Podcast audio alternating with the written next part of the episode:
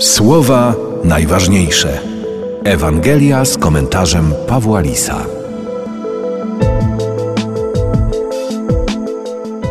Jezus powiedział do swoich uczniów: Jeśli wasza sprawiedliwość nie będzie większa niż uczonych w piśmie i faryzeuszów, nie wejdziecie do Królestwa Niebieskiego. Słyszeliście, że powiedziano przodkom: Nie zabijaj, a kto by dopuścił się zabójstwa, podlega sądowi. A ja wam powiadam: każdy, kto się gniewa na swojego brata, podlega sądowi. A kto by rzekł swojemu bratu raka, podlega wysokiej radzie. A kto by mu rzekł bezbożniku, podlega karze piekła ognistego.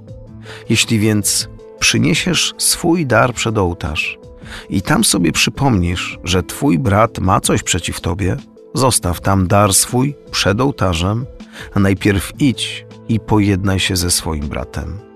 Potem przyjdź i swój dar ofiaruj. Pogódź się ze swoim przeciwnikiem szybko, dopóki jesteś z nim w drodze by cię przeciwnik nie wydał sędziemu, a sędzia dozorcy, i aby nie wtrącono cię do więzienia.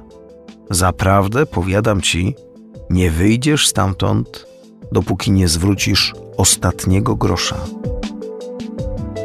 Kiedy pisałem ten komentarz, obserwowałem relacje z Ukrainy, gdzie kilkanaście godzin wcześniej zaczęła się wojna.